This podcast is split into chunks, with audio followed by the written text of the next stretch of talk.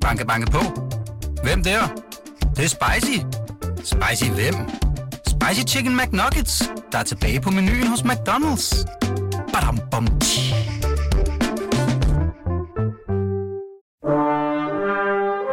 Du lytter til Radio 24-7. Den originale teleradio. Velkommen til Flaskens Ånd med Poul Pilgaard Jonsen. Nå, men så sidder vi her jo så. Niels Christian. Mm. Ja. Det er længe siden. Det er længe siden. Hvor længe er det?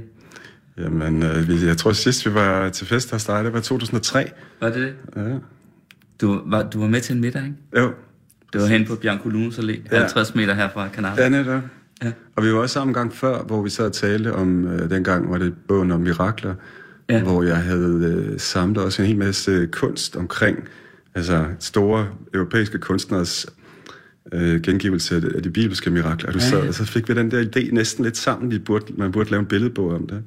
Og det blev så til sådan en kunstbilledbog, som jeg udgav med min kone. Elisabeth. Okay, nå. Nå, blev den til det? Ja, det blev det. Ja, altså fordi, vi har jo aldrig rigtig været venner, men vi har jo alligevel været bekendte. Ja. Øh, og så meget så du var med til, ja, til den middag der, jeg kan ikke engang huske, hvem der ellers var med. Nej, det kan jeg altså Men jeg kan huske, at det var en god aften og god vin. Ja, det var fint. Og, Og både en øh, god boble og noget andet. Jamen, jeg var lidt... Øh, det var fordi, jeg var jo lidt nysgerrig efter dig, fordi du beskæftigede dig med, øh, med de der mirakler. Mm. Altså, det synes jeg var spændende, ikke? Ja. Så det var jo sikkert derfor, at jeg ville... Øh, at jeg gerne ville have dig på besøg. Ja. Nu er du så kommet her hen på hjørnet af Gamle Kongevej og Lindevej. ja, det er et fint nyt sted, du har fået det her. Det er dejligt. Ja, nyt og nyt. Jeg har faktisk boet her 12 år. 11 12 år. Okay. Ja. Ja, der kan Og du er kommet fra Odense? Ja. ja, jeg har været inde og holdt foredrag Okay. i går i Hvidovre, og i dag Trinitatis. Og øhm, tak skal du have. Og så har vi 30 års studenterjubilæum i morgen, Nå, fra dit gymnasium? fra mit gymnasium. Ja. Tak for. Sådan. Jeg skal også fortælle lytterne, hvem det er, men øh, vi skal lige drikke først. Ja. Skål. Skål.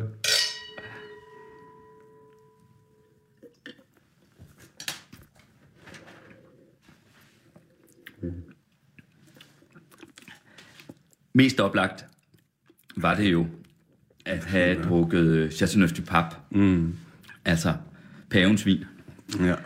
øh, som det jo betyder. Øh, tror faktisk opkaldt det. Så hvad hedder han? Clement den femte måske? Mm, han er jo en af de store. Ja, en af de store paver. Og grund til, at det har været oplagt, det var jo, er jo, er jo var, er, at du, øh, at du er den første katolik, der har fået teologisk embedseksamen fra Københavns Universitet efter reformationen, ikke? Ja, det, det mente Christian Dagblad i hvert fald. Jeg Det tror, giver en nok- 400, og- jeg kan ikke lige... Ja, 36. kan jeg huske, 400, det var og- også. ja, hvor mange Ja. år giver det? Ja. Det er, det er lang tid siden. Mm. Øhm, men, og derfor tænker jeg på, at vi skulle have drukket en Chateauneuf du Pape, øh, mm. som jo er fra Rhone. Men så kom jeg i tanke om, at jeg havde en, øh, en, en anden er En al- dejlig. almindelig Côte du. Mm. Gemt. Og øh, så tænker jeg, den tager vi i stedet for. Og mm. det er fordi, øh, også for at være lidt høflig over for ham, der gav mig vinen, det var Peter Vibro, som var gæst i Flæskentårn mm. her for nogle uger siden. Mm. Han, har, han er en gammel reklamemand, der har skabt altså noget, har købt fire grunde ude i Søllerød, lagt dem sammen og skabt en have, der ligner Versailles nærmest, Okay. om en, en anelse mindre, og opført noget, der ligner franske palæer. Og, øh, og er en helt vild mand. Ja. Han gav mig den her San Cosme, San Cosme 2015 fra Côte d'Iron, og sagde, at det var hans, øh, ligesom hans øh, dagligvin. Det kunne han virkelig godt lide. Mm. Og, øh, og den flaske fik jeg med hjem. Og så sagde jeg, så vil jeg bruge den i flasken sådan en dag. Og mm. øh, så har jeg læst lidt op på lektien siden da, og det viser sig faktisk, at øh, ham, der laver den, og som hedder Louis Barriol, mm. er 14. generation på den her ejendom, San Cosme, og, og et, øh, et hit i Côte. Så skål. Men er skål. skål. Det er et meget ydmygt lille slot, der er på forsiden, hvis det overhovedet Det kan er kaldes næsten det. kun et slags lille tårn, ikke? Ja, ja. Det er udsigtstårnet, eller der, man kan sidde og drikke sin rødvin, ligesom du gør det her i din kanap her. Ja, præcis. Ja, hvor skal vi ende og begynde? Niels Christian Hvidt. Jeg ikke, om jeg har fået sagt dit. Ja, drik bare alt, hvad du har lyst. Øhm, måske med... Øh, måske med nogle af dine egne oplevelser. Jeg tror, du fortalte mig om nogle af dem dengang, øh, tilbage i 2003, da du var til middag, og hvor vi, hvor vi talte lidt sammen. Men, øh, og jeg ved, der er flere, ikke? Men hvis du nu skulle tage øh, det mirakel, som har gjort sådan mest indtryk på dig? Mm. Af dem, du har oplevet? Hvad for en ville det så være? Det var egentlig et godt spørgsmål. Altså, jeg har jo beskrevet, det var startet lidt som en hobby. Jeg skrev min doktorgrad i Rom øhm, om emnet øh, profeter i kristendommen, som viste sig at være sådan et helt udækket teologisk emne, emneområde. Og, og samtidig med det, så er det klart, jo mere jeg beskæftiger med de her historiske profetskikkelser, som Birgitta den hellige, Birgitta Vartstener eller andre, så dukkede også de der medfølgende mirakler også hele tiden op, som en del af legitimering af øh, helgenernes virke. Og, og det er jo også den måde, mirakler fungerer på i, øh, i Bibelen. Altså det er en slags legit, en guddommelig legitimation af den autoritet, som en eller anden forkynder har, eller en hovedperson har. Og øh, så de dukkede hele tiden op, og så begyndte jeg at synes, det kunne da egentlig være sjovt, hvis det var noget, der også var i dag, og begyndte at kigge rundt, og der så viste, at der var masser af sådan nogle ting, også øh, i nyere tid. Så jeg begyndte at rejse rundt i Italien, og, og det var egentlig en hobby, som jeg så begyndte at fortælle om til weekendavisen og nogle andre. Men øh, altså, det blev sådan en, øh, ja, en hobby, en, en interesse, ligesom andre måske kan have andre hobbyer, men det er klart, det havde jo hele tiden, også fra starten for mig, også en eksistentiel øh, år. Jeg synes, det var de steder, jeg besøgte, det var steder, der havde forandret menneskers liv. Og det, jeg kunne jo også selv øh, mærke, at det gjorde, det, det gjorde også noget på mig. Det påvirker også mig på en eller anden god måde. Mm. Jeg synes, der var en god ånd de der steder, for nu jeg kan meget godt lide begrebet ånd, faktisk. Mm. Også det, det, vi laver nu, handler jo rigtig meget om ånd. Altså både sygehusets ånd, men også enkelt mennesker. Hvad er det for en åndstilstand, man er i? Det, du laver nu, ja, du er, altså, du er noget så fint som professor i eksistentiel og åndelig omsorg. Mm. Jamen, det, det, det, det skal vi lige komme tilbage til, fordi at du stiller spørgsmål. Ja, det skal vi komme tilbage til, men vi skal altså lige have et mirakel først. Jamen, det er det, fordi øh, jeg kan ikke bare lige svare på det med to ord. Altså, jeg, jeg, alle de steder, synes jeg, der har været, de, de steder, som jeg har også vurderet det lidt på, hvad det er for en ånd, der er i de der steder. Jamen, jeg kan godt tænke mig ikke, som du har set med dine egne øjne. Jo, altså det kan, altså der var der synes jeg, det skønneste for os danskere, det var jo miraklet på Bredgade. Nede i den russiske kirke? Nede i den russiske kirke. Altså, the most unlikely place. Jeg kan huske, at det var en veninde fra Lund, der ringede Katarina. Hun ringede og så, Niels, det har hentet et under i København. Altså, nej, det sker sådan noget. Hvornår er vi tidsmæssigt? Jamen, det var helt tilbage til 1995. Mm.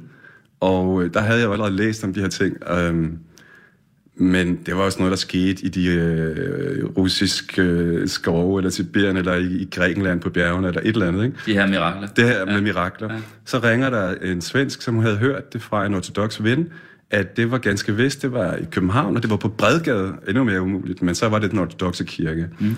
Og det hun fortalte, var, at de om fredagen før, den første fredag i fasteperioden før påske, altså de her 40 dage før påske, der havde de haft en andagt, og så går de ortodoxe jo rundt og ligesom siger farvel til ikonerne. Nogle gange kysser de også ikonerne. Og så har de set, at Maria-ikonen, en meget, meget smuk ikon af Jomfru Maria, øhm, hvor frue af Jerusalem hedder den, man kan stadig se den derinde, den var begyndt at fælde tårer.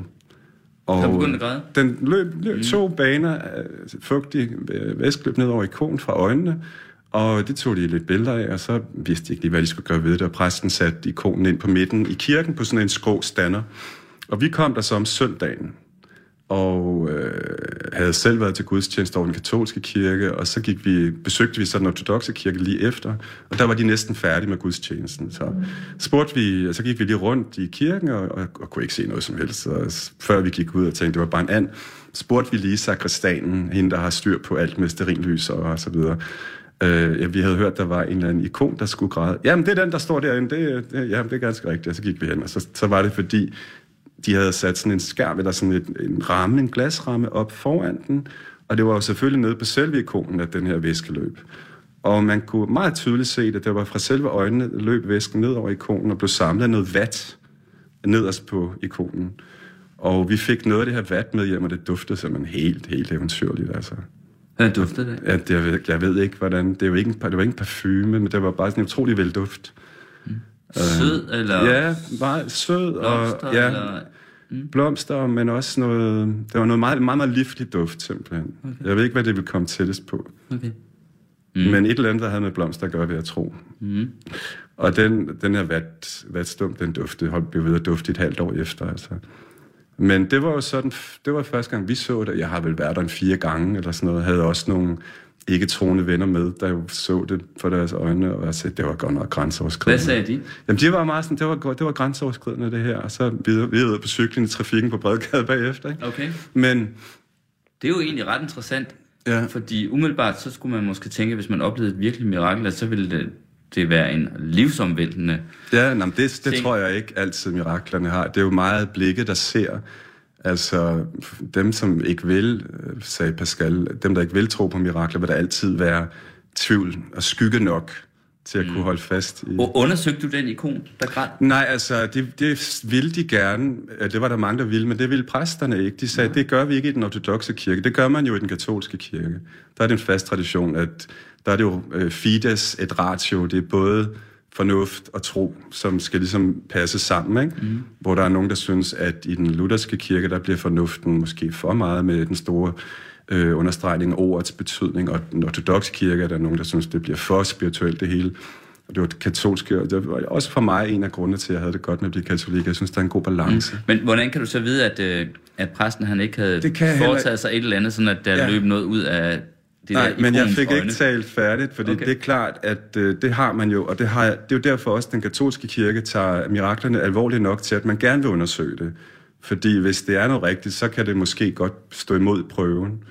Øh, også bare fordi man ikke gider at være til grin, ligesom hvis det er bare en eller anden, der tager gas på En eller anden fugmager. Ja, ja, Ja. Men altså, jeg, vi spurgte præsten, sagde, det gør vi ikke i den ortodoxe kirke. Okay. Men, men vi fik lov til at se ikonen bagfra forfra. Der var ikke, det var hårdt, solidt træ, man kunne banke på det. Der var ikke en eller anden pumpemekanisme. Og øh, det, som gjorde et stort indtryk på mig en af dagen, det var, at øh, der var vi en torsdag henne, og der havde de tørret den ren med det her vat, og så stod vi tre meter fra den i en times gudstjeneste, og så gik vi hen til den bagefter, og der var den der væske løbet 10 cm ned over ikonen, og der var ingen, der havde været hen med en pipette i mellemtiden. Og det var ned under glasset også. Tror du, at den ikon græd? Jeg må være helt ærlig, altså det, jeg sætter mit, lægger mit hoved på blokken, det gør selvfølgelig, det er jo også øh, farligt i øh, vores sekulære Danmark, og ture tro på den slags og våge på det. Men, men jeg må sige, jeg var virkelig overbevist om, at det var noget, der faktisk skete. Svarede ja. Ja, ja. Skål. skål. Det er en lidt anden duft, vi har mm. her i glassene. Den er nu også dejlig nok.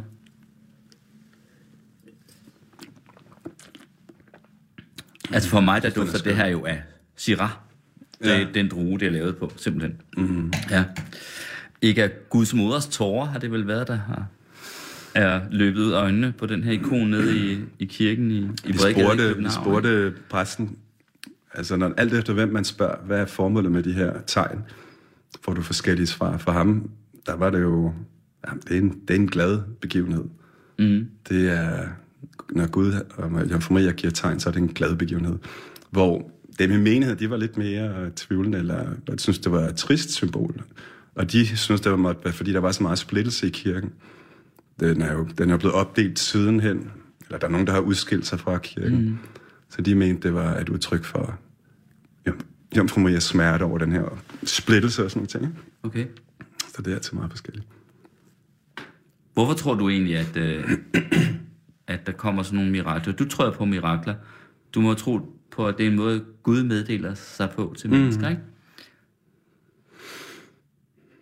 Hvor, hvorfor tror du, han gør det, havde han sagt? Eller, jeg kunne også spørge på en anden måde. Mm. Hvis nu... Nej, jeg tror faktisk, vi skal starte med, at du skal fortælle mig, hvad, hvordan betragter du øh, miraklernes funktion? Altså, hvilken, hvad vil Gud med dem? Altså, jeg tænker rigtig ofte som troende mennesker, som teolog, at et af de helt store mysterier, det er jo Guds skjulthed. Altså, hvis Gud elsker os og gerne vil være nær os mennesker, hvorfor gør han sig ikke bare lidt mere, lidt nemmere at finde? Der er skrevet bøger om det her med Guds, Guds skjulthed. The hiddenness of God. Og øh, jeg synes, det er det, det er et kæmpe problem, og det samme er, Jamen, er mirakler overhovedet muligt, hvis, hvis øh, vi tror, at Gud nogle gange løfter ligesom sløret ind til det hellige, mm. måske også igennem mirakler. Det tænker jeg som funktion. Altså, at det bliver nogle stedvise tegn om, at vi ikke er helt alene her på jorden. Ja, mm. præcis. Men så kommer nemlig mit spørgsmål. Præcis. Hvis det er, at Gud, hvad skal man sige, vil give nogle øh, stedvise tegn på, at han findes, hvorfor mm. laver han ikke bare et virkelig mega mirakel, som overbeviser Præcis. alle og enhver Ja. for en gang for alle? Ja. Men Det skulle vel ikke være noget problem. Nej, sådan har jeg det også lidt selv nogle gange, men jeg tænker det ene, altså det er jo det samme også med øh, TUDC-problemet, altså hvis vi tror, at han kan gøre under, hvorfor gør han ikke lidt flere? Det er jo lidt... Ja, og hvorfor er der nogen, der... Hvis han kan bestemme alt, hvorfor sker der så så meget ondt? Ja, præcis. Ja. Det er jo miraklets bagside, siger man typisk. Altså møntens bagside, miraklets bagside, det er TUDC-problemet. Det er, hvorfor er der så meget lidelse, hvis Gud er god. Og jeg tænker, det hænger lidt sammen med det her med Guds skjulthed. Det letteste er bare at sige, at der er et ubrydeligt forhæng mellem Gud og os mennesker. Så har man ligesom en gang for alle klaret det. Så er det kun troen, der lever uden nogen som helst connection til Gud. Ja. Øhm, og det er der nogen, som... Fordi TUDC-problemets udfordring er så svær, så vil de hellere blive det, der hedder deister. Altså hvor man tænker, at Gud har trukket sig tilbage, eller der er det her jerntæppe mellem Gud og menneske. Så er der ikke nogen udfordring mm-hmm. andet end, at så bliver Gud den ultimativt fjerne for, for os mennesker. Og jeg synes, det er for mig et gudsbegreb, der ligger meget fjernt fra både min tro, men jeg synes også fra den kristendom, som jeg føler mig en del af. Så jeg tænker, det, at det har både TUDC-problemer, det her med, hvorfor Gud er så skjult, har enormt meget at gøre med øh, syndefaldet. Øh, ikke nødvendigvis forstået som en, en, en bogstavelig begivenhed, men et udtryk for, at der var noget, der gik galt. Øh, den verden, vi har i dag, er ikke fuldkommen den verden, Gud havde tænkt sig. Og hvordan vi så skal forstå det, det ved jeg ikke, men øh, det er der, jeg tænker, at det stedvise, og at der er en adskillelse, som bare ikke er fuldkommen, men der er en vis adskillelse mellem os og, og Gud. Øh, mm. Den hører hjemme i den her tilstand af, at det ikke er paradis, vi lever i. Ja, for han kigger lidt øh, ud øh, fra forhænget, eller gennem forhænget, der er en gang imellem, Ja, det tænker i jeg. din opfattelse af de her mirakler. Ja, og jeg ja. tænker det jo, at de, de mere sådan eklatante mirakler er jo alle sammen et udtryk for et tegn om, at Gud er med os, også i det skjulte. Mm. Og det er jo hverdagens små mirakler, som jo ofte kan være meget større end en ikon, der græder eller et eller andet. Så mennesker pludselig oplever Guds nærvær. Mm. Så jeg tænker, hvis det er, at vi får det der absolute bevis for Gud, øh, så er det jo måske heller ikke tro længere. Så bliver det i hvert fald en anden slags tro. Mm. Fordi det handler jo om overbevisning. Det er jo at være overbevist om noget, som ligger ud over beviset. Mm. Um, så øh, også af den grund ville det ikke længere være tro, hvis vi fik det ultimative bevis. Der skal altid noget vilje til, og noget hengivelse. Jeg sidder og drikker, mens du taler. Jeg kan ikke huske, hvad vi drak den aftendag i 2003, da du var med i selskabet. Jeg kan bare huske, at vi fik noget rigtig, rigtig dejlig champagne. Jeg kan ikke huske, Nå, gjorde vi også det? Ja, det vi. gjorde vi sikkert. Det var Det den drik, som du altid har, har defineret som en spirituel drik. Jamen det er det også, og det havde sådan set på en måde også været oplagt øh, at drikke det her. Mm-hmm. Men vi gør det så tit i, ja. i flaskens ånd, fordi jeg er så begejstret for champagne. Mm. Og fordi det er jo lige præcis den slags vin, hvor man... Der findes jo mange store vine, som kan give sådan nogle spirituelle, åndelige oplevelser, mm. men øh, de kan være kostbare at komme i nærheden af og svære at finde, men champagne kan altid give den lille. Mm. Og den, der minder om den, den store, ikke? Så, men, men i dag, der skulle det altså være... Der skulle det, og det, altså Sankt øh, Cosme her, det er jo en helgen. Det er Cosman og Damian, ikke? De to. Ja? Øh, jeg mener, de er martyrer, hvis jeg husker ret. Okay, lige frem. Mm. Jeg kunne godt tænke mig at høre øh, om, hvordan du... For jeg ved, at du voksede op i Niveau, ikke? Mm-hmm. Og du havde en tysk... Rungsted Niveau. Du havde en tysk mor, Ja. dansk far, ja. Og det var sådan et almindeligt protestantisk hjem. Ja. Var, var det et troende hjem? Ja, der var åbenhed for tro, og vi, mine forældre gik også til kirke en gang imellem. Det var ikke sådan hver søndag. Okay. Mm. Og du ved jeg nemlig også, det kan jeg faktisk huske, tror jeg, fra den gang, at øh, havde du ikke haft et mobildiskotek? Jo, det er godt husket, Paul. Jo, jo, vi, vi Du, styrede du, er sådan, du er sådan en meget pæn mand. Altså, du er sådan en, en der er taget ud af et øh, tøjkatalog. Sådan en ligner du ikke. Jeg kan lige forestille mig dig stå der i Rungsted øh, og øh, bag et, et, selv et mobildiskotek, der vil du ligesom have taget dig ud på en eller anden måde. Jeg forestiller mig, at du har været sådan en, der måske også har haft måske sådan lidt øh, pastelfarvet øh, trøje, t- hvad hedder det, øh, sådan en trøje ja, det, bundet det om, kan jeg om, ikke udelukke, sådan en, en skuldrene, eller et eller Ja, et tidspunkt. altså der er sådan lidt, øh, hvad hedder det, rytteriet, Paul og, øh, hvad hedder han? Nej, jeg tror ikke, jeg har været helt derude, men det er rigtigt, vi var, vi var nogle glade rungsted. Men du var en Rungsted-dreng, Ja, ikke? vi Med windsurfede, og det var virkelig sjovt. Og et alt det. mobildiskotek. Og så hed vi Steps Ahead. Steps her. Var, var det diskoteket? Ja, det var... Hvor spillede Det var sådan en syre jazzband, der hed Steps Ahead, og det synes vi var enormt. Men det var ikke det, Så vi det skulle jeres diskotek hedde. Ja. Og hvad, hvad spillede I til? Det var jo netop sådan en glad 80'er musik, som virkelig var god at danse til. Altså og jeg til fik fester danset ude i. Rungsted Ja, fester. Rungsted Statsskole og gymnasier rundt omkring, og privatfester og sådan noget. Ah. Og så havde vi, så var en af mine venner, der havde sådan et gammelt rugbrød, som vi drønede rundt i. Men altså, det var, det var sjovt nok, men på et tidspunkt, så var det jo bare ikke alt, altså. Nej, det var det, jeg ville spørge om. Hvordan kom du fra et protestantisk kun mellemtroende hjem og øh, pastel varme trøjer og skuldrene og mobildiskotek i Rungsted til at blive øh, katolik Jamen, jeg ved det ikke. og teolog Ja, ja, altså, jeg, og professor? Ja. Altså, jeg læste jo... mm, Jeg tog Matt Fys-linjen, for jeg skulle jo enten være læge, eller det var der flere i min familie, der var. Jeg tror, jeg havde været, været glad for at- være læge kirurg, for jeg kan godt lide at bruge fingrene også. Det har jeg altid gjort. Jeg har fikset ting og ordnet ting og sådan noget. Jeg har ret fingernem, tror jeg. Men... Øhm, og ellers så skulle jeg være bankmand, ligesom alle rungstedrengene, som skulle ud og tjene penge og sådan noget. Men der skete simpelthen et eller andet i midten af gymnasiet. Dels noget, jeg synes, der måtte bare være noget mere. Der måtte simpelthen være noget mere indhold.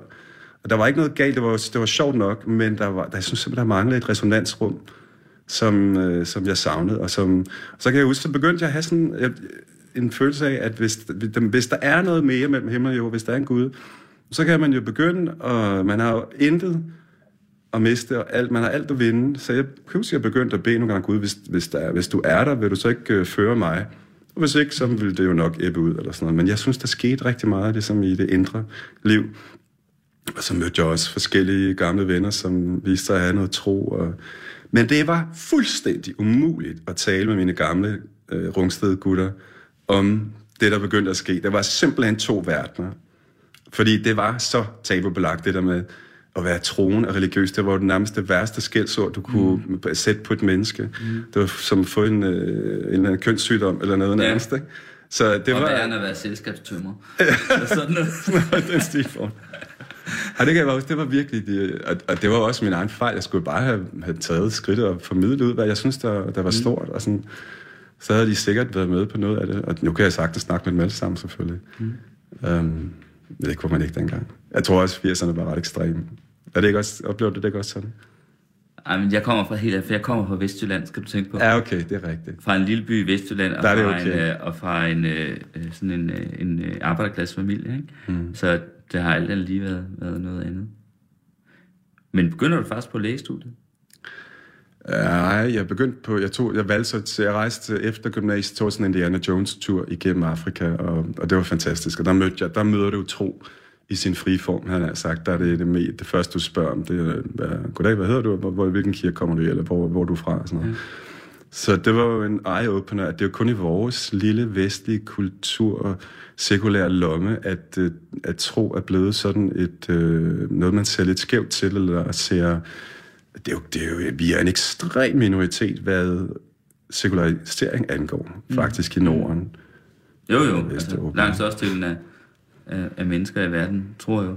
Men var det på den tur der til Afrika, at jeg synes, jeg kan huske, du fortalte mig dengang, at du havde haft en oplevelse på en græsk ø? Ja, det fordi var det, det, lange, det, det, jeg begyndte så at læse teologi bagefter, og det var, det var fantastisk. Okay, så du, du øh, overvejede kun øh, medicin? Ja, Læste du præcis. det? Du, Ja. du begyndte aldrig på det?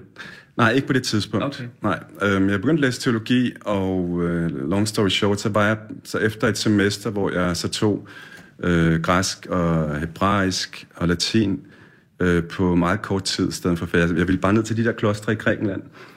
Øhm, der, det, det gik, og der kom jeg så ned i februar måned på, øh, ned til Patmos, hvor jeg fik lov til at bo som gæst med de her græske munke, som det var en fantastisk tid. Jeg tænkte, hvis der er nogen, der, der vælger at fravælge familie, så må det være, fordi der er et eller andet, som bare optager dem. Og det var den der nysgerrighed, jeg havde. Jeg ville simpelthen finde ud af, hvad det var.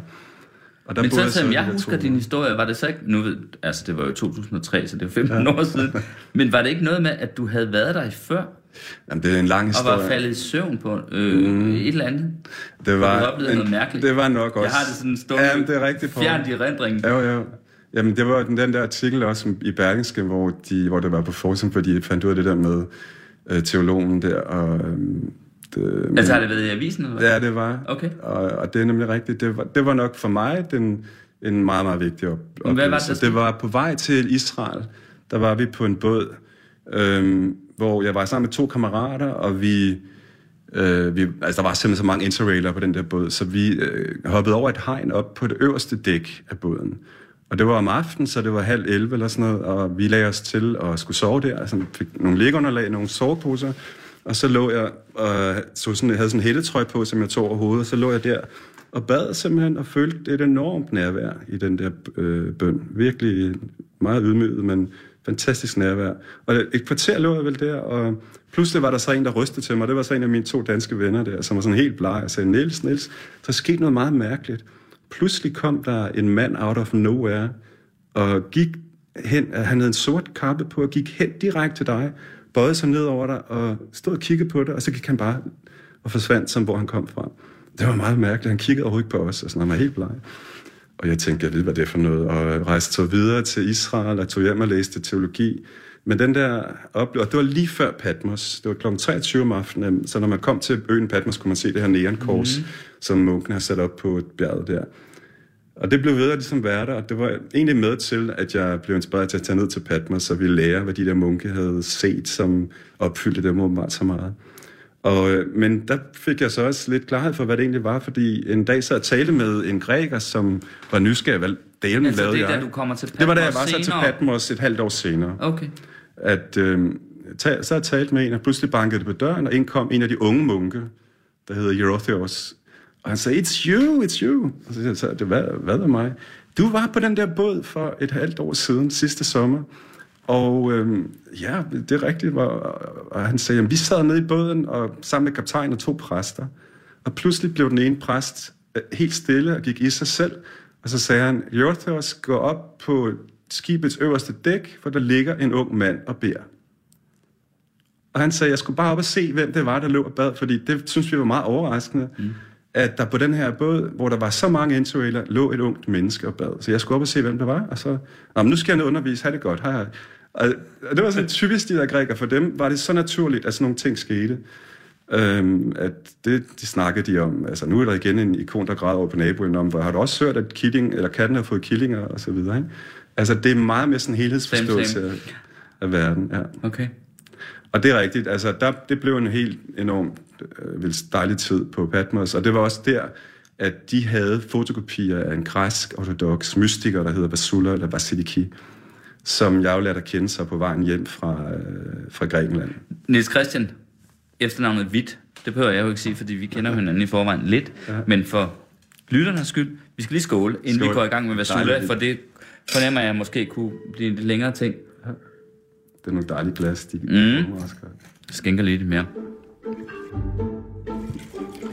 Jeg kunne måske lige fortælle, hvad, hvad jeg tror, jeg ved om hende der Vasula, ikke? Jeg ved, fa- hun er ikke død endnu, vel? Nej. Ej, men hun er gammel. Hun må være nogen op i 70'erne, ikke? Jo. Men, hun, Men ja, var hun ikke en finsk, finsk diplomatfrue? Svensk. Svensk diplomatfrue. Ja. som på et tidspunkt, øh, ifølge hendes udsagn, begynder at modtage meddelelser, Ja. ja. om man så må sige, fra det hinsides, øh, fra Jesus mm. i virkeligheden, ikke? Ja. ja. Og, og, og, og skriver det ud, Ja. og det er udkommet i mange bøger, ikke? Jo. Og hun siger selv, at hun var fuldstændig teologisk ukyndig ja. på forhånd, mm. og øh, alligevel så er det meste af det, der hun har skrevet ned her, som hun så påstår at have modtaget fra Gud eller Jesus, mm. hvem det nu måtte være, øh, faktisk, hvad skal man sige, øh, dogmatisk set eller teologisk set øh, er rigtigt. Mm. Og ville være ret mærkeligt, hvis man kunne uden at ane noget som helst mm. om det. Men det jeg også ved, det er, at den katolske kirke øh, faktisk altså ikke anerkender hende mm. som en, der har mirakuløse oplevelser. Mm. Altså, de må jo betragte hende som en eller anden slags snyder, bedrager, hvad ved jeg. Men hende har du, og det kan jeg også huske, haft rigtig meget at gøre med. Ja, det er rigtigt. Jamen, jeg kendte jo lidt til det fra, jeg kendte den hellige Birgitta, og havde jo boet øh, på nogle Men det er en svensk Det er helgen. en svensk helgen. Helgen ja. må vi kalde det, og, og som helt klart er inden for den der profetiske genre, ikke? Som Ja. ja. Guds sekretær, som nedskriver visioner og forkynder dem til paver og kejser, ikke? Øhm, men på Patmos, der havde de her munke, de havde Vasulas åbenbaringer, uden de nogensinde var udkommet. Det var fotokopier. Mm. Store fire kopier af hendes håndskrevne noter, som er sådan en meget, meget smuk, speciel håndskrift. Når hun nedskriver de her budskaber, så er det med en markant anden håndskrift end hendes egen håndskrift. Mm. Øh, noget, de kalder hieratic writing, hellig, hellig nedskrivning, eller hvad vi skal kalde det på dansk. Og, øh, og det, det rigtige, Vasula var selv en, som... Hendes mand er svensker, diplomat. Hun er selv fra den græsk-ortodoxe kirke, opvokset i Ægypten, i Alexandria, men havde ikke praktiseret sin tro overhovedet. Sidst hun var i kirke, var til hendes søns øh, dåb. Og så pludselig, til hun skal nedskrive en indkøbsliste til sin mands øh, cocktailparty, så pludselig oplever hun et enormt nærvær ved sin side, og inden hun ved det, har hendes hånd nedskrevet med den her helt anden håndskrift. Øh, jeg er den skyts engel Daniel, og Gud er der meget nær, og Gud elsker dig meget. Mm. Og det var så starten, hun kommer hjem og tænker, at min mand han vil komme til at tro, at jeg er sindssyg. Men han øh, havde læst noget om, der er kommerskjold og andre, andre mennesker, der havde op, op, åndelige oplevelser. Og tænkte, jamen, hvorfor ikke, hvis andre har haft det her, hvorfor så ikke også dig? Men det blev starten, og nu er det så 12 bind, som hun har nedskrevet på den her særlige måde, oversat til 45 sprog. Hun har holdt over 1000, jeg tror 1200 øh, oplæg om sine mm. budskaber i hele verden. Så helt klart et kolossalt fænomen i nyere kirkehistorie. Der er ingen som hende, der er ingen overhovedet ved siden af eller over hende, hvad angår hvornår mødte du hende? profetiske tjeneste. Jamen det var så efter jeg var på Patmos, hvor de havde de her fotokopier, mm. og det gjorde et kæmpe indtryk. Selvfølgelig skulle jeg se, om der var alle mulige teologiske fejl i det, men der var simpelthen intet at komme efter. Hvilket jeg synes var ret utroligt, når man betænker, at hun ikke har nogen teologisk baggrund. Og ikke alene er det er der ikke fejl i det, men det er mere det her nærvær. Altså, der er en utrolig dynamik i det, og en utrolig direkte nu til dags sprogs formidling af noget, mm. som er enormt svært at formidle. Og så mødte jeg jo hendes søster på Rodas, hvor munkene sendte mig hen til et andet kloster, hvor jeg kunne hjælpe med at genopbygge det her kloster. Stærk ung mand, der simpelthen kunne have brug for nogle kræfter der. Og, og på vejen hjem, så øh, besøgte jeg Vasula i Schweiz. Og så har vi faktisk været venner og haft, haft kontakt siden. Og øh, blev så også inspireret til at skrive en emneopgave om Birgitta og Vasula, hvor så min vejleder sagde, det er jo rigtig spændende det her, de her 30 sider, super god idé, men kan vi ikke lige få lidt om, hvad er kristne profeter for nogen? Hvad er kristne profetier? Hvordan hænger det sammen med Bibelen mm. og sådan ting? Jo, jo, giv mig lige uh, nogle referencer, Peter sagde til ham, Peter Nokkerhøjen.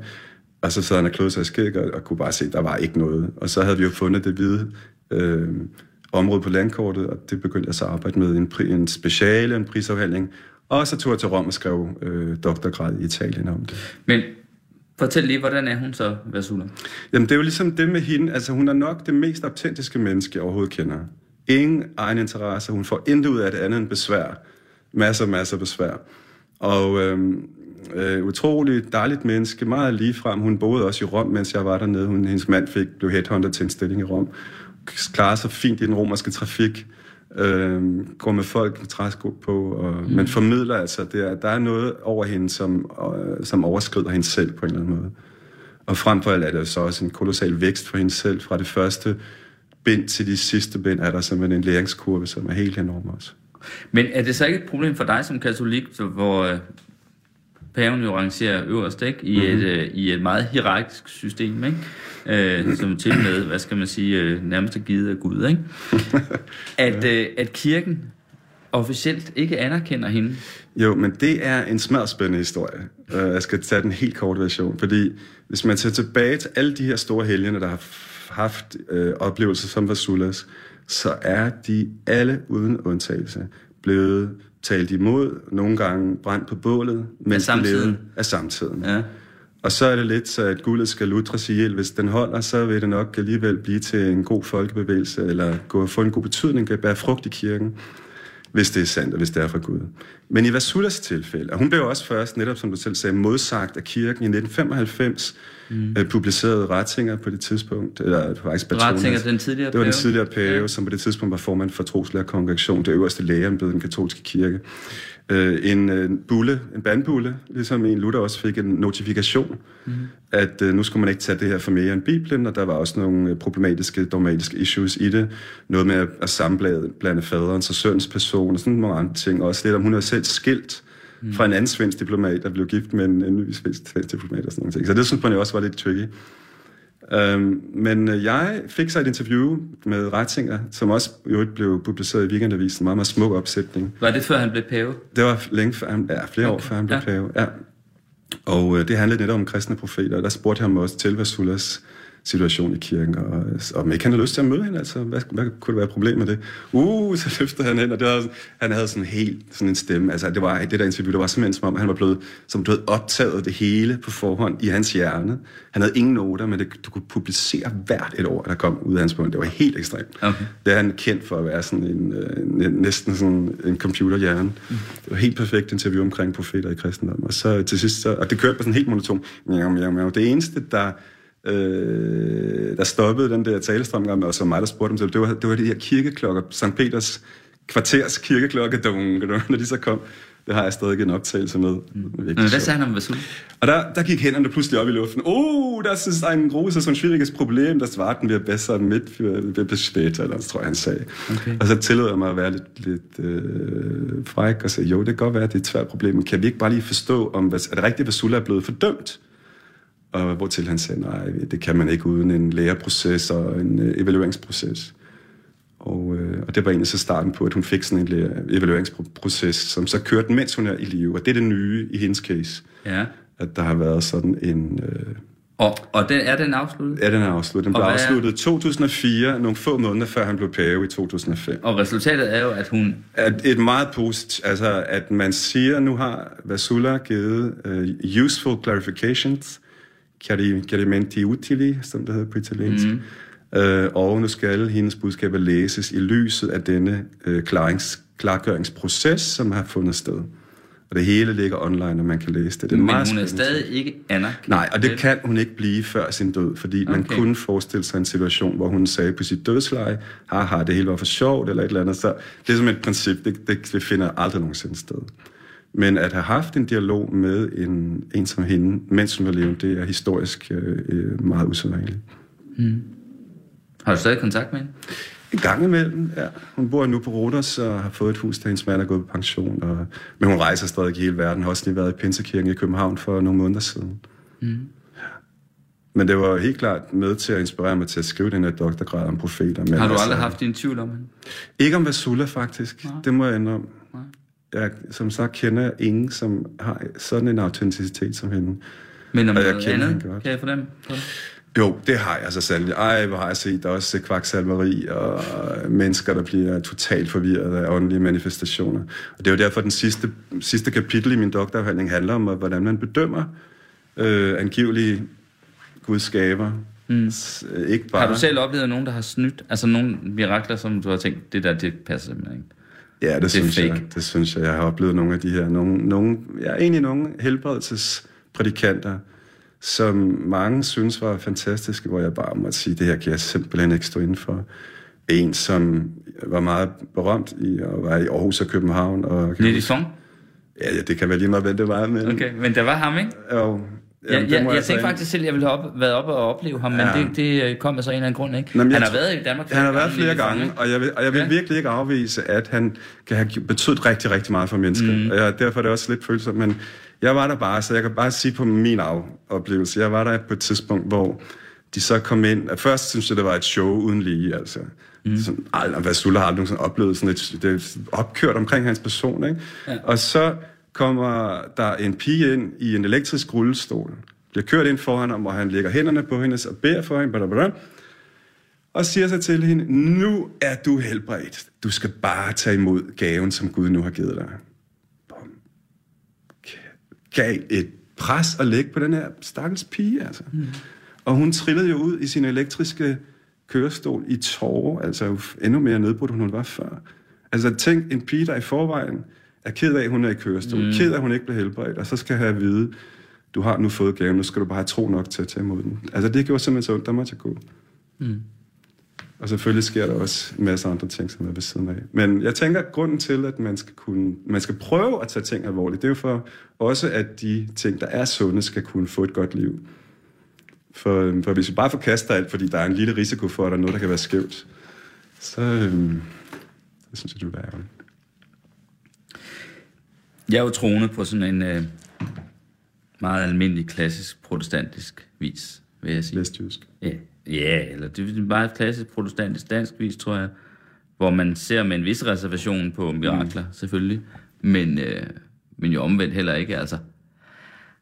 Jamen, altså prøv at høre, det her program hedder Flaskens Ånd, ikke? og det gør det jo, fordi jeg selv har oplevet nogle gange, at der simpelthen i vine kan, kan, altså vine kan fremkalde nogle oplevelser, som er, vil, vil sige, næsten er metafysisk karakter. Mm. Desværre ikke nogen daglig foretagelse, men, men jeg, er, jeg har været med til at drikke den slags flasker, og det var helt vildt, altså. Mm. Og det, det, jeg har gjort, det var, om så må sige, min indvielse, altså. Kan jeg faktisk huske. Første gang jeg for alvor, altså jeg havde haft de der oplevelser, hvor vi havde en flaske, og jeg tænkte, det var da alligevel mærkeligt, pludselig bliver jeg på en helt anden måde, eller mm. det er som pludselig lys kontakt bliver tændt i et mørkt rum, eller det kunne være alt muligt. Jeg havde også sådan lidt diabolsk eller dæmonisk mm. oplevelser med vine, vil jeg sige, altså, eller hvor jeg tænkte, der bor en ond flaskens ånd i den her. Ikke? Men første gang jeg besøgte den, efter min mening, med ypperste, øh, ypperste vinmager i verden, der er Lubis Leroy i, øh, i Bourgogne. Mm. Øh, og jeg skrev faktisk en artikel i Weekendavisen. Det var min første store vinartikel, og den hed Ypperste Præsten, for at det ikke okay. skal være løgn. Der oplevede jeg jo noget. Altså, det, vi gik og smagte ned i kælderen, og vi smagte, det var de vine, der lå, stadig lå på fad og skulle, snart skulle flaskes, ikke? Og hun er virkelig den ypperste af alle, det er jo vine, der er desværre for, de store, for alles vedkommende er meget kostbare, for de stores vedkommende fuldstændig utilnærmelige for, for, for de fleste mennesker. Men og jeg kan huske det meste i den der kælder, og vi går fra tynde til tynde og smager den ene mark efter den anden. Richebourg, Chasseau, Grand Chasseau, hvad ved jeg, alle mulige, og til sidst uh, Musigny og Chambertin. Men som jeg dog ikke, altså faktisk kan huske.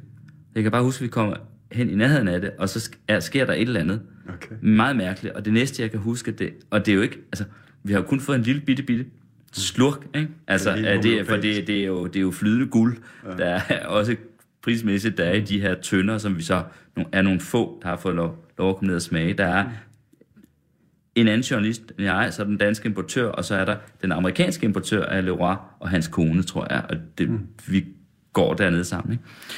Og så øh, La Lubis Leroys assistent.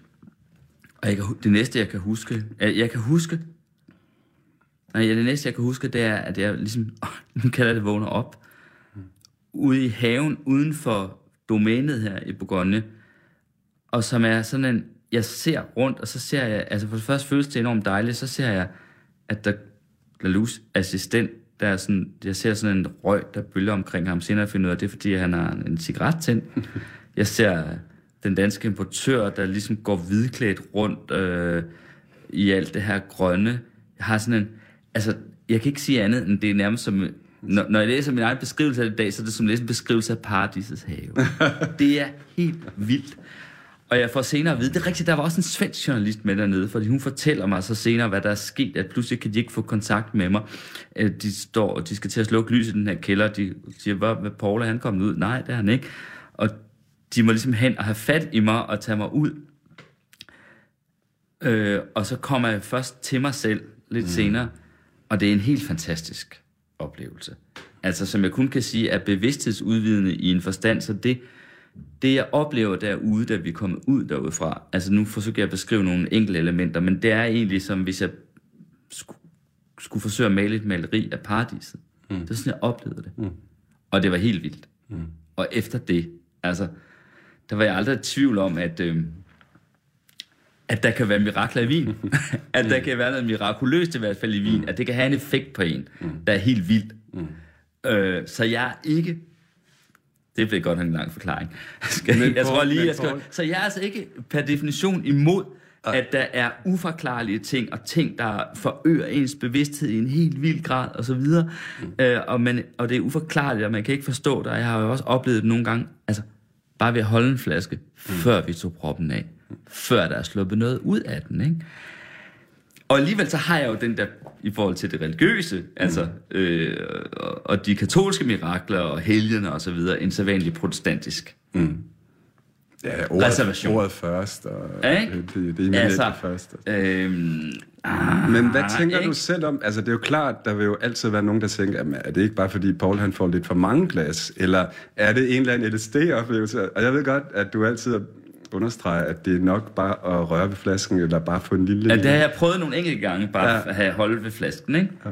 Men hvordan, Men- for, hvordan forklarer du det selv? Altså, Det er, jeg det, er det hende, som har gået og bedt over sine vinstokke, og hendes forbøn, eller hendes tanker, hendes Nej, jeg ved, være ikke, på? Eller jeg ved det- ikke noget om Lalus, øh, jeg ved ikke noget om Lalus øh, og heller ikke hendes religiøse tillidsforhold. Men for hun bliver ofte Men- beskrevet næsten som sådan en troldkvinde, der kan lugte, Ja, der kan jamen, det smage. lignede hun jo også. Hun lignede en heks ude i sine marker der, altså hvor hun øh, øh, gik, og hun var altid om, hun var omgivet af tre vilde hunde. Altså, så man havde også sådan lidt med at komme i nærheden af nogle gange. Ikke? Men jeg kan bare huske, at hun, hun sagde til mig der, fordi jeg, hun var jo med, og jeg interviewede hende jo. Det var helt vildt, fordi jeg tror kun, jeg var den tredje eller fjerde i verden, der fik et interview med hende, okay. for hun var meget sky. Ikke? Mm. Men hun, kan jeg huske, hun sagde til mig, når jeg smager en vin nede fra Pomar, det er en landsby i området, i nærheden, ikke? Altså, fordi det hele ligger jo meget tæt der. Når jeg smager en, en vin nede fra Pomar, så genkender jeg i den øh, ikke bare, hvad hedder det, øh, øh, øh, menneskene der, mm. Landskabet der, men også husenes form der. Ja. Det er jo Og, næsten og det skal man jo... oplevelse. Ja, fordi hvis man lige prøver at tænke den efter, mm. det hun sagde var jo ikke, når ja, nu kan jeg smage det i en pomar, og så kan jeg godt huske, hvordan husene ser ud i pomar. Mm. Nej, det var som om, at det hele var en slags entitet, eller hvad man skal mm. sige, altså en, det, et hele, altså, og det var det, hun drak. Mm. Det var det, hun mærkede. Og det er helt vildt. Altså, der var en grund til, at jeg kaldte den artikel i ypperste præsten. Mm. Og alligevel så sidder jeg så med mine reservationer over for de her katolske mirakler, eller hvad man skal sige. Og vi, vi, kan, jo, vi kan jo ikke afklare det, øh, Niels Christian, vidt. Men jeg synes... Men- Ja, jeg skal bare lige sige en ting, og det er, at jeg oplever rigtig ofte, at når man prøver i en dansk sammenhæng at beskrive nogle af de her mirakler, så mm. bliver det ofte noget grumset noget. Altså, så bliver det ofte sådan noget lidt for vildt, eller lidt for med blod og tårer og så videre. Det er jo også måske lidt den her katolske ånd, som er meget sådan folkelig og... Men du har, kan- du har jo selv øh, medvirket til Absolut. at bringe dem frem, de Men her det som- men det som- blødende ja, ja. sår og, Jeg kan huske og på et tidspunkt, øh, børn, han har sagt, det er Ja. ikke, men med Madonna ikke? Jo, og, og jeg synes, udefra kan det let sådan komme til at blive opfattet som noget lidt halvokult. Ja. Jeg kan bare sige, at alle de steder, hvor jeg har været, og det mere har beskrevet, for det første, øh, Luther han havde det her, at man skulle skælne ånderne i forhold til, hvad, hvad Kristum træbt, altså hvad der fører til Kristus. Alle de steder har Kristus været centrum, også der, hvor Jomfru Maria ligesom er, er den, man har, har bedt om hjælp. Det er det ene. Og, og det andet, det er også en som Vasulta, som jo er meget, meget usædvanlig. Hun er samtidig noget af det rene, af de reneste personer, jeg kender. Altså alle de her steder, der er sådan noget enormt rent over det. Mm. Og det, det får man slet ikke med i den sådan almindelige, når det bliver så, så eklatant og så, så, så, så ekstravagant, ligesom de her beskrivelser. Og det, det er næsten umuligt derfor at beskrive det sådan, som det er. Jeg synes, et sted, som kommer tæt på det, det er faktisk Lourdes. Og der har man jo også bare været enormt... Altså de hellige kilder. Der Ja, der har, det, har man været meget, meget bevidst også sådan æstetisk med at rense alt det folkloriske, folkloristiske ud, hvilket mm. måske også kan man sige kan være lidt synd. Men der er, noget, der er en helt speciel ånd i de steder. Og øhm, jeg kan meget godt lide begrebet ånd. Det er også derfor, jeg meget gerne kommer her. I Altså, flasken så, ja, altså, prøv lige, hæng lige på, han har sagt, sid helt stille, eller drik noget. Jeg, skal lige, jeg løber lige herind i stuen siden af.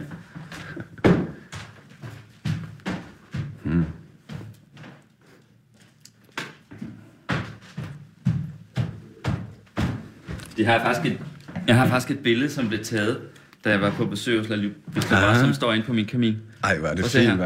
Der er der ikke en heks over det der. Det er mere Prøv lige at se, hvad, hvad ser du egentlig her? fantastisk billede. Jamen, der er der sådan lidt, der er lidt helgenaura over hende. Den måde, som hendes hænder der er foldet ja. øh, omkring Det er glasset, og så hendes øjne, altså det, Ja. hun, Der er dybt, Det er jo- øh, det er jo helt Hun vildt. ser et eller andet, ikke? ja, det er helt vildt billede. Ja, det er det virkelig. Det er jo hende. Det, er mit, det, er, det er min øh, ikon. Det er din Vasula. det er min Lasula, eller hvad vi skal sige, Ja, der står ja. herhjemme. Mm. Nå, vi må vist heller lige få en skål.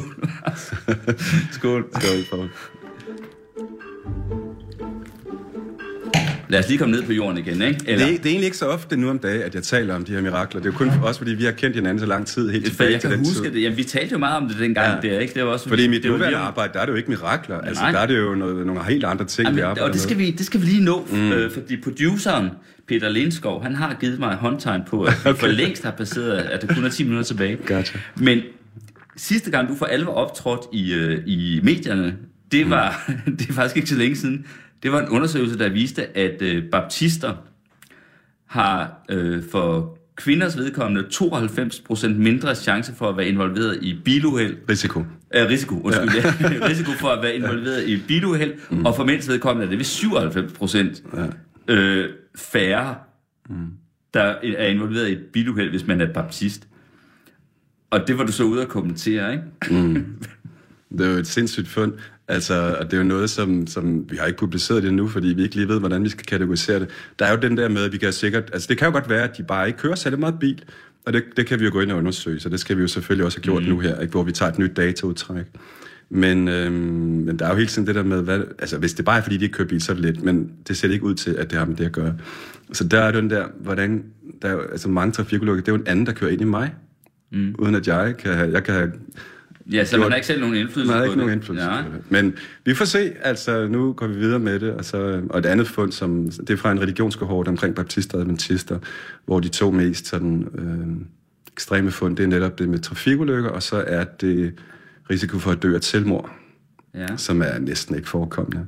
Okay, men må jeg lige høre, altså, at, tror du det er fordi, at Gud holder hånden over baptister Nej, og- og og netop- specielt? Med denne type af undersøgelser, der kan vi slet, slet ikke udtale os om sådan nogle ting. Altså, det er jo, selvfølgelig har man jo vel sagtens lov til at tro, hvad man vil.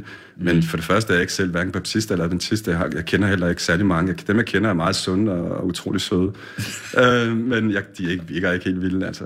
Så jeg tænker, det, får vi, det må Det kan godt være, at de ikke kører skide fugle rundt. Ja, selvfølgelig. Men vi ved, Poul, at øh, jeg troede, at halvdelen af landets trafikulykker, det var alkohol, men det er faktisk kun 10 procent. Okay. Ja, mm. så øh, flaskens ånd kan meget, men ikke, ikke så Men prøv lige at høre, så, så læste jeg jo en anden undersøgelse, der handlede om, at, øh, at til gengæld, det kan godt være, at man ikke kommer øh, ud for, for trafikuheld, men til gengæld så er forekomsten af depression ja. kraftigt forøget Ja, det hos vi religiøse minoriteter. To. Altså også baptister og adventister, ikke? Præcis. For For, kvindernes vedkommende. Ja. De har dobbelt så stor, eller 50 procent større risiko for at blive indlagt med en depression. Ja. Muligvis til dels, fordi de ikke begår selvmord. Så i stedet for... Ah, på den måde selvfølgelig. Altså, det er jo Okay. ofte, det er ofte depression, der Ja. driver til selvmord. Ja. Øh, Så det kan være noget af det, men det, det var et meget overraskende fund. Der er dobbelt så mange kvinder med. Det kan være, at de ikke kan finde en ægte mand. Men prøv lige at høre, Christian, hvad, hvad tror du selv inderst inde? Nej, jeg tror, at der kan være rigtig mange forskellige faktorer, der kan være med til at forklare de her fund. Jeg leder ikke efter mirakler, Paul, i de her Nej, undersøgelser. men så lad mig spørge på den måde.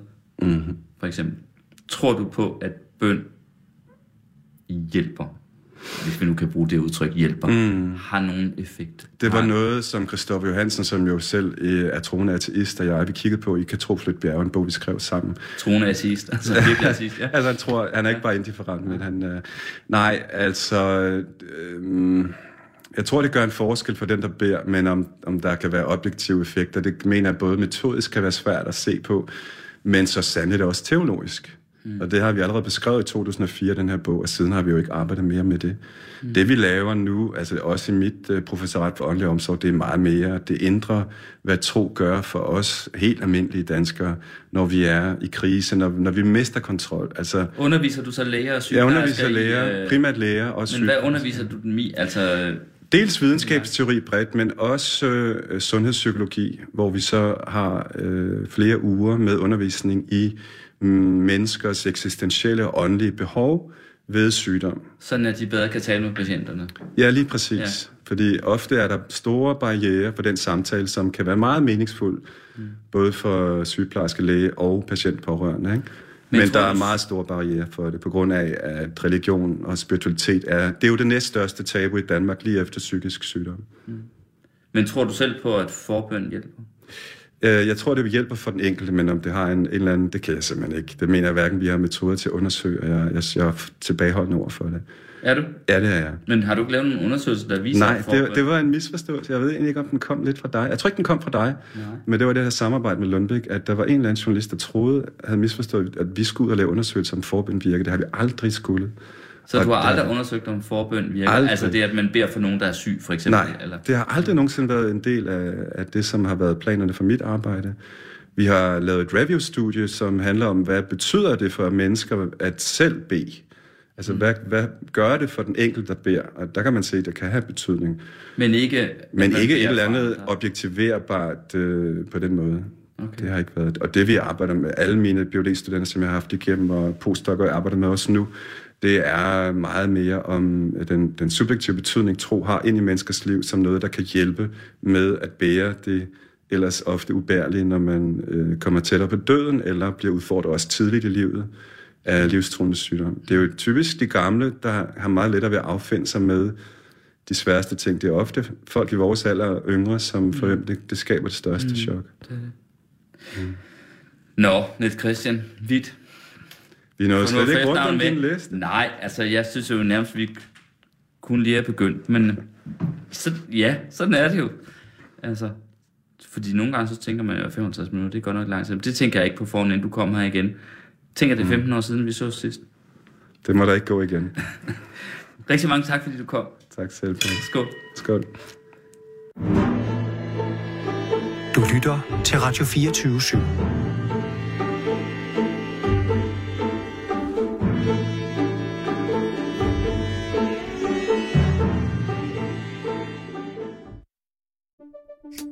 Banke, banke på. Hvem der? Det, det er spicy. Spicy hvem? Spicy Chicken McNuggets, der er tilbage på menuen hos McDonald's. Badum, bom, tji.